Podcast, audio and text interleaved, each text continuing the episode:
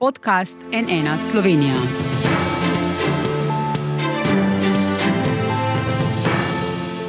Dober dan, to je NN studio. Vsako pomlad se spominjamo najbolj prelomnega obdobja v zgodovini naše mlade države, ko se je ta rojevala.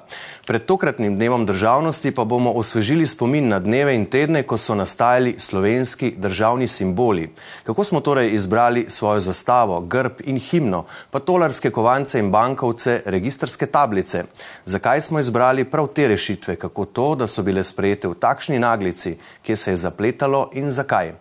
Z nami v studiu je poslanec oziroma delegat takratne skupščine, tudi predsednik podkomisije za določitev simbolov Republike Slovenije, gospod Zvone Žagar. Dobr dan, dobrodošli na NN. Dobar dan.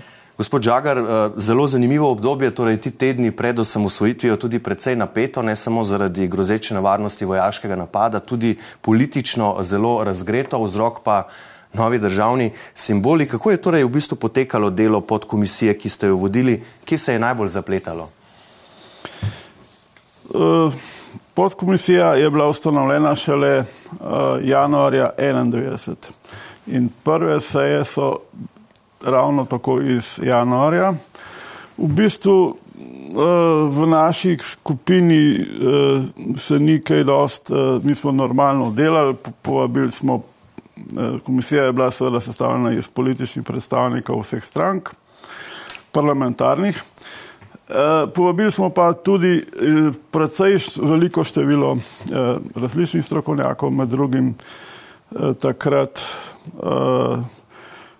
eminentne osebnosti, kot je Bogo Grafenauer, Božo Otorepec, bil je prisoten tudi Niko Kralj, potem Ovsec, Damjan Ovsec in mnogi drugi.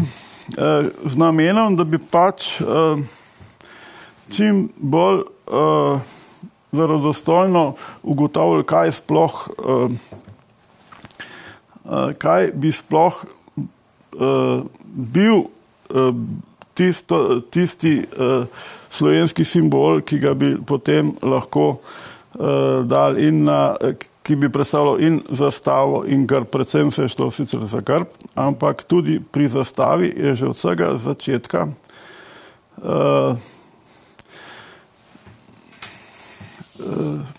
Tudi pri zastavi ni bilo vse jasno, ne. z izjemo morda pri himni, ki eh, tri stvari smo mi imeli nalogo, mandat smo imeli za tri stvari, zastava, grb in himna.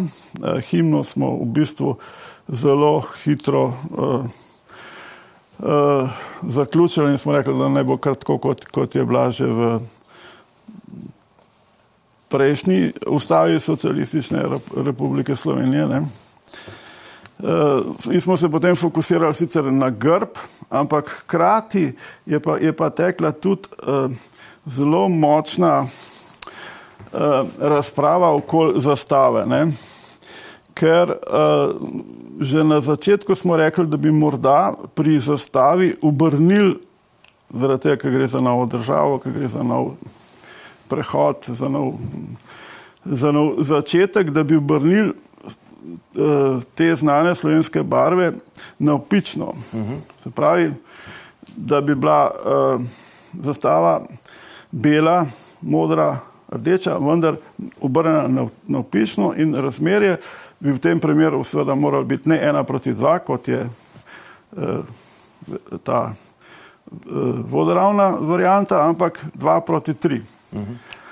eh, tako da to je, eh, ta zastava navpična je bila velika opcija, približno polovico eh, članov skupine in eh, sodelujočih strokovnjakov se je zauzemala za to.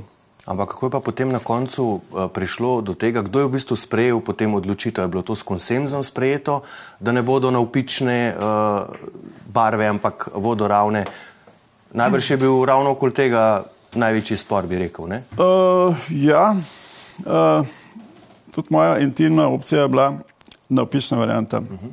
Ravno zaradi tega, da bi na simbolen način tudi pokazali nekakšen. Uh, prehod oziroma nov korak. Uh, celo nekateri poslanci od takratne opozicije, recimo uh, Franko Juri, uh -huh. uh, on je bil takrat karikaturist pri delu, uh, poslanc od ZMS-ja, kasnejši veleposlanik v Madridu. On je bil kot likovnik in ki je videl ta predlog, je rekel, idealna rešitev likovno. Uh, brezhibna in marsikdo se je strinjal. Vendar v načelu je najbolj so nasprotovali takrat tej varianti uh, prenovitelji z Ribičičem, ki je bil takrat predsednik uh, te stranke. Po eni strani so nasprotovali zastavi uh, vertik, uh, vertikalni, sicer eh, oziroma navpični, eh, z ozirom na eh, to, ker nekako. Oni so v bistvu želeli, se upravičujem, zastavo brez grba, ne? torej tisto slovensko narodno, tako kot jo je 7. aprila 1848 na Wolfovi prvič ja. pokazal narodni voditelj Lauro. Ne, ne, ne, ne, ne, obratno, oni so nasprotovali zastave brez grba, Eh, vodoravni izvedi. In v nobenem primeru jo ne bi, jo ne bi uh, sprejel, oziroma ne bi uh, zaradi tega uh, ne bi mogli spremeniti uh, simbole, ker je bila potrebna dvotretinska večina. Mhm. Oni so enostavno to, kako bi rekel, blokirali. Razlog, sicer uraden razlog, niti ni bil preveč jasen, verjetno zaradi tega, ker je bila pač to v zgodovini uporabljena, že uporabljena zastava, mogoče med, med drugo svetovno vojno, tudi seveda brez. E, po drugi strani pa e, so nasprotovali hkrati tudi e, tej napišni varianti bolj iz proceduralnih razlogov, delno pa zaradi tega, ker bi bila preveč podobna romanskemu tipu zastav, kot je Francija, ne nizozemska, ampak te države, Italija. Italija ima tudi pokončno. Ja. Ja. Ampak so bile še mogoče kakšne druge možnosti, kakšne druge barve v igri? Uh, ne, tukaj smo bili pa enotni. Uh -huh. uh, v igri so, so sicer bile. Pre, predlog recimo od studija marketing uh, je bil, mm, mislim, da je bila neka modra bar uh, eno, eno, eno barno z nekim uh, zelenim uh, lipovim listom, nekaj podobnega. Uh, ampak to je bilo, uh, to so bili predlogi, ki niso uh, bili sprejeti v nekem številu, ki bi bil omembe vreden. Uh -huh. Teh tipov zastav je bilo, predlogov je bilo ogromno. ogromno. Uh -huh. Kaj pa grb? Na koncu je bila izbrana rešitev kiparja Marka Pogačnika, ampak je bilo tudi tu kar nekaj kontrovers. Kaj se je v, v zvezi z grbom dogajalo? Pri grbu je, je velik problem. Mi smo potem na koncu aprila nekako bi prisiljeni razpisati en javni natečaj, da bi mogoče na ta način prišli do ene rešitve. Vendar, ker nismo imeli uh, oblikovalcev, je težko reči, oblikuj nekaj, kar sploh ne vemo, kaj je, uh. -huh. pa si sicer najprej izmisel, pa, pa še oblikuj to isto stvar. To ni čist delo za oblikovalce. E, tako da so bili rezultati, ker nismo kljub strokovnjakom, ne, recimo že omenjena dva uh, akademika, ki sta se zelo potrudila uh, in sta tudi pismeno uh, obrazložila svoje predloge. Potem, ko smo to na ustavni komisiji nekako uh, pokazali, uh, predstavili te različne predloge, absolutno ni, bilo, ni, ni prišlo do nobene so jih, uh, smo vsi skupaj te, te strokovnjake, ki so si izredno prizadevali, enostavno črtali in to jih je zelo prizadelo. Uh mhm. -huh. Ker vendar je politiki škoda, ne odloča stroka, ampak politika.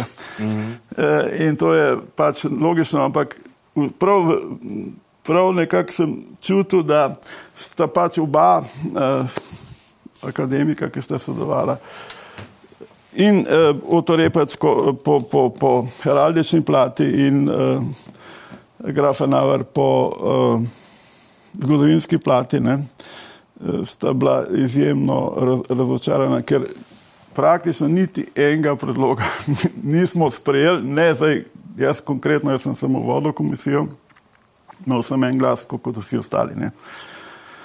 Tako da smo potem bili brez neke rešitve in potem smo pač uh, nekako zelo na hitro sicer objavili natečaj v aprilu 91 in potem v maju uh, 91 tudi izbrali sicer od prispelih predlogov Eh, noben, eh, no, niti prva, niti druga, niti tretja nagrada ni bila podeljena.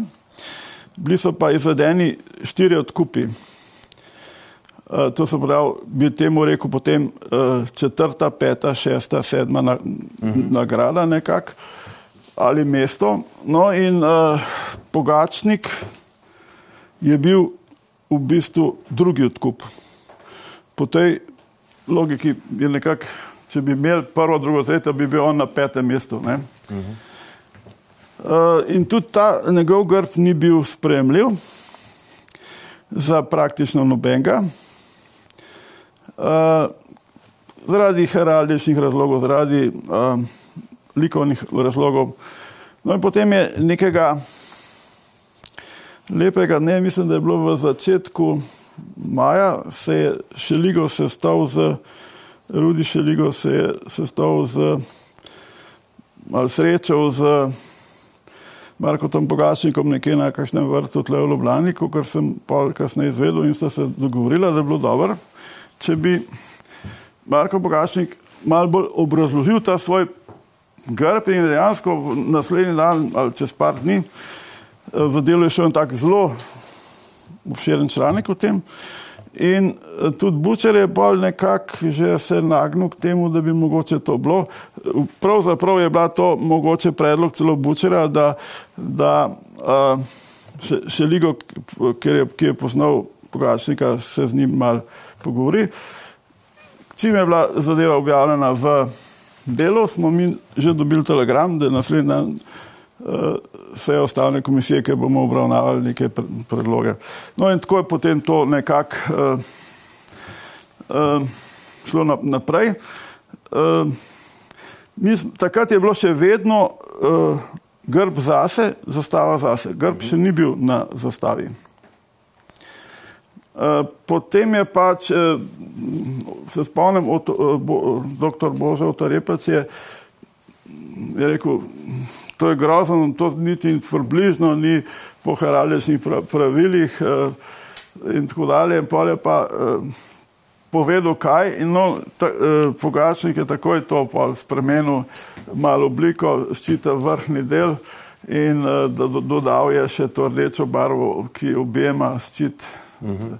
In je ustregel tem osnovnim kriterijem, se pravi, da so barve na grbu take, kot so na zastavi. Rdeča, bela, modra.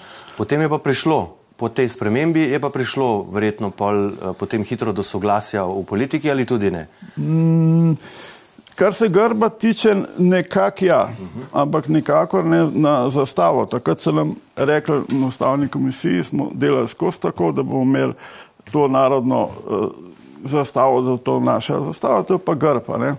Potem pa spet zaradi nasprotovanja določenega dela takratne pozicije, uh, ker, ker ni dovolila uh, zastavo brez uh, grba, kakršnega koli ali znaka, prej je bila pač uh, zvezda. Uh, smo pa, je bilo to nekako en tak uh, kupčija med Ribičičem in med Bučerjem, da ste pa na koncu to uh, sprejela, oziroma se dogovorila, mi, mi pa nismo imeli več kaj, dost, uh, mm -hmm. tako da uh, edino, kar smo še lahko naredili in to tudi smo, kot komisija oziroma skupina smo uh, nasprotovali temu, uh, taki postavitvi grba na zastavo. Uh, sploh, uh, namreč uh, Pogačnik je enkrat prišel v uh, Bučarevo sprejemnico in mislim, da je bil tam še pršak, pa jaz pa mogoče še kdo se ne spomnim in je dokazoval, kako je ta rešitev pravilna, vendar z uh, bajalico. Ne? Zdaj, noben od naj od dveh, treh ni bil strokovnjak in nismo mogli sploh mu uh, nasprotovati v tem smislu, uh, da bi lahko karkoli rekla, so pač brez komentarja tist uh, gledala. Uh, zdaj, uh, mi smo kot komisija nasprotovali uh, temu enotno, uh, Pročen, ne, ne enotno, ampak tako enotno, da večinsko. Večinsko, ja, seveda. In smo potem sklicali, jaz sem sklical eno, ene par dni pred uh, osamosvojitvijo, eno uh, sejo še dodatno, ki je potem Bučer celo uh, prepovedal. Mi smo to sejo kljub temu imeli. No in takrat point tega je bil, da bi uh, nekako vsaj uh, začel uh, saj to, uh, te simbole sprejeli kot začasne, oziroma z možnostjo, da bi jih dograjevali z, z leti. Ne. To isto se, se, tudi, uh, se je zazemalo tudi društvo uh, oblikovalcev Slovenije, ki, uh, ki ga je takrat vodil uh, Košak, uh, arhitekt Košak. Prvotno smo bili sicer z tem istim društvom precej v sporu, namreč eh, določeni arhitekti so gledali na, na to naše početje zelo arogantno. Niso želeli sploh sodelovati. Ne? Nekateri niso, on osebno je celo odklonil sodelovanje pri komisiji, eh, ki je izbirala eh, na, na tečajna dela oziroma ocenevala. Ne. Vendar eh, na koncu ne tudi oni sami so potem, ravno tako mislim, da 19. junija, se pravi par dni prej, eh, eh, zaključili en interni razpis za grb. In so ugotovili, da žal tudi ta njihov razpis ni prinesel čist nič pametnega. Namreč prvo nagrado oziroma prvo mesto je, je zasedel je zasedla v bistvu uh, kluka od uh, Plešnikova kluka od nuk, na Nuku, ki je na tem hodnih vratih so dve kluke. Uh, to je bilo, ampak ni bilo seveda primerna tista kluka, čeprav je likovno in tako naprej lepa, ni bila primerna za grpa. Kakšni so bili pa še kaj drugi predlogi, kaj bi lahko bilo na grbu? problem ni v teh predlogih, problem je v tem, ker mi še vedno ne vemo in nismo enotni, kaj je tisto, kar, kar nas predstavlja. Mhm. Ker potem, če jaz rečem oblikovalcu, oblikuj kozarc za dva deci vode, potem je to jasno. Potem bomo neki, bo lahko nekaj naredili. Če pa ne vemo, kaj sploh naj oblikuje, tako da smo še danes popolnoma na isto, mi še zdaj ne vemo, kaj je tisto, kar nas res predstavlja. Ne. Umenili ja, ste že prej v bistvu tudi uh, himno. Zdravljica je bila kot slovenska himna določena že v bistvu marca 1990, takrat je tako odločila skupščina, torej več kot leto pred osamosvojitvijo. In glede tega je očitno ostajalo, uh, obstajalo dovoljšne soglasje, da se potem v bistvu tega niste lotevali, da ste to pustili sedmo kitico uh, preširnove zdravljice in je to. Moram popriti povedati, da se ni noben za himno res noben ukvarjal. Smo enostavno zaključili z dvemi besedami in, in smo šli naprej. Ustavna komisija je delala tako nekako, da smo imeli nekakšne skupine, podskupine. Ta skupina za simbole podskupina je bila relativno velika in je imela celo svojo uh, tajn, uh, tajnico, to je bila Varja Simčič. Uh, in je bila taka, bi se rekel, resna komisija. Eh, bile so pa take ad hoc skupince, eh, komisije, recimo za eh, preambolo, za kakšne take dikcije, kot je ločevanje države od, od crkve ali crkve od države in neke podobne stvari. Tam, so, recimo, tam sem tudi sodeloval noter, je bil takrat eh, kasnejši predsednik Turk, takrat ni bil še Tirk. Eh, potem je bil Pršak, pa Anton Stres, pa je, recimo, to je bila tak primer take skupince, ki se je ukvarjala samo z eno, enim delčkom ustave. Ne. Bili ste pa tudi član skupine za pripravo novih bankovcev in kovancev pri Banki Slovenije. Kako pa ste izbrali te podobe, ki so nam, v bistvu jih imamo še danes v glavi, pa Kobilca, pa Cankar, pa, pa seveda Prešeren na, na Juriju, a ne pa, pa Juri Vega in tako naprej. Kako ste do teh rešitev prišli? Ja, prvo kako sem sploh prišel v to komisijo. Ne, jaz sem enkrat šel, me, malo me je zanimalo, take stvari so me zanimale. Sem šel enkrat Šešoku, ki je bil finančni minister in sem rekel, kaj je zdaj z tem darjem pa tako. In je rekel, ok, te bomo dal in me je dal potem uh -huh. v to skupino, ki sem bil edini od politikov, če tako rečemo. Uh, in tam smo delali tajno, ne? to je bilo takrat, je bila v bistvu vojna. Uh -huh. Uh, in smo se sestajali tam neki, v, v banki Slovenije, tam nekje čez eno vežo, noč smo morali hoditi. In uh, tisti je bilo, po mojem, zelo dobro, ampak naš mandat je bil samo v tem uh, likovni del.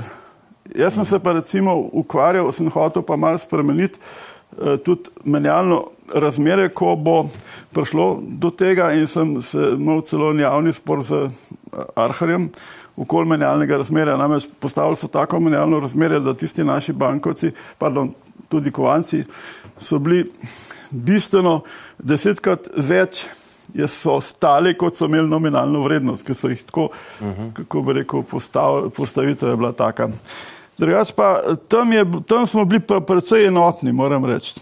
Mogoče zato, ker ni, ker ni bilo politikov.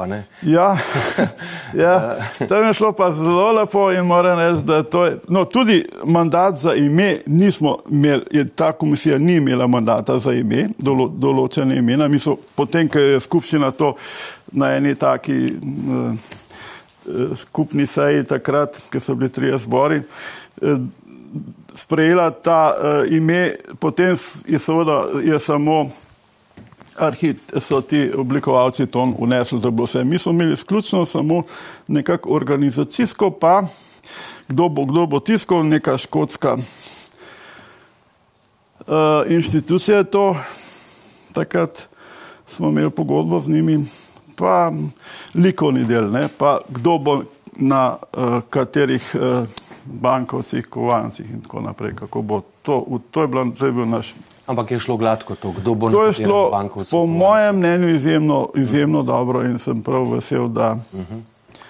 da tudi rezultat je bil dober. Ne samo, da je bil ta uh, novi uh, tolar uh, za moje pojme izjemno likovno uh, uspešen, če tako rečem, uspešen je bil tudi finančno. To so se najbolj bali, ne? to se je banka oziroma Arhar takrat izjemno bal, kaj bo to bo ponarejeno, ne vem kaj. Že pri bonih ne, je bilo isto. Jaz sem sodeloval namreč od bonov uh -huh, uh -huh. naprej. Kaj pa avtomobilske tablice, ne, tudi tu v bistvu te, del te zgodbe o naši osamosvojitvi, a se je tudi tukaj zapletalo? Presenetljivo je, to smo spet zelo hitro, leta 90 že, čim smo nekako, čim so nas potrdili mandate in tako naprej, smo, eh, sem jaz že predlagal, uh, To je, to je bil spet moj predlog. Novo tablico, ki, jo, ki smo jo uradno vložili v, v, skup, v, mislim, da na začetku ni bil vložen po vseh pravilih, v glavnem smo vložili mogoče na ministrstvo takrat na sekretarjat za notranje zadeve in so odgovorili, da pač to ne gre. No, pa sem brez kljub temu uradno to vložil. Smo en, če si hotel uradno vložiti kakršen koli predlog za spremembo zakona, si mogel, so mogli trije poslanci, vsak iz enega zbora, vložiti to v skupščinski postopek. Uh -huh. Uh, in to smo, to smo storili in potem je prišlo to na odbor za notranjo politiko. In presenetljivo, sprejeto predlog sprejet, eh, celo takratni poslanec eh, zbora združenega dela, polkovnik ali nekaj podobnega, Aksentijevič, je bil za, oziroma ni bil proti. Uh, tako da potem je šlo to, tablica je pravzaprav skoraj zelo podobna predlogu, današnja tablica, ne? razen da je bil predlog mogoče še nekih škoda, da ga nisem pač, da ga nisem, ker je originalno še zmeraj obstaja. Uh, ena črka, ne na mesto C. E, uh, velika C, mesta, C, ena. Zdaj, če bi bilo na C več mest, ne, potem mm. bi pač imel uh, tudi uh, naslednja mesta, bi imele pač uh, dve črke.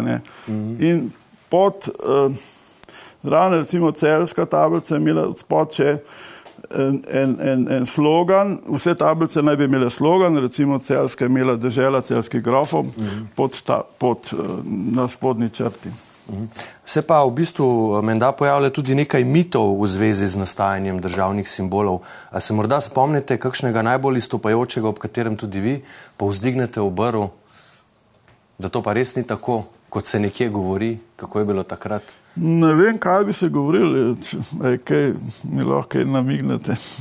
V, v zvezi z, z temi predlogi, odkot so prihajali, kdo je v resnici odločal o tem, kdo je, ti, kdo je bil tisti, ki je imel zadnjo besedo o tem, kakšni, kakšni, simbole naj pač, kakšni simboli naj Slovenijo predstavljajo v svetu, nastajajočo državo. To še enkrat moram povedati, mi tega še danes ne, ne vemo. Uh mhm. -huh. To, kar smo sprejeli takrat, je bil pač en, ena rešitev, ki je taka, kot je, in ni tisto, kar bi eh, naj bilo, in nobeno od teh, ki so sodelovali, tudi delno člani, nismo s tem zadovoljni. Ne? In ta, ravno to bi bilo potrebno še z nekim postopkom v, v naslednjih letih eh, zelo, post, zelo počasi nekako pripraviti.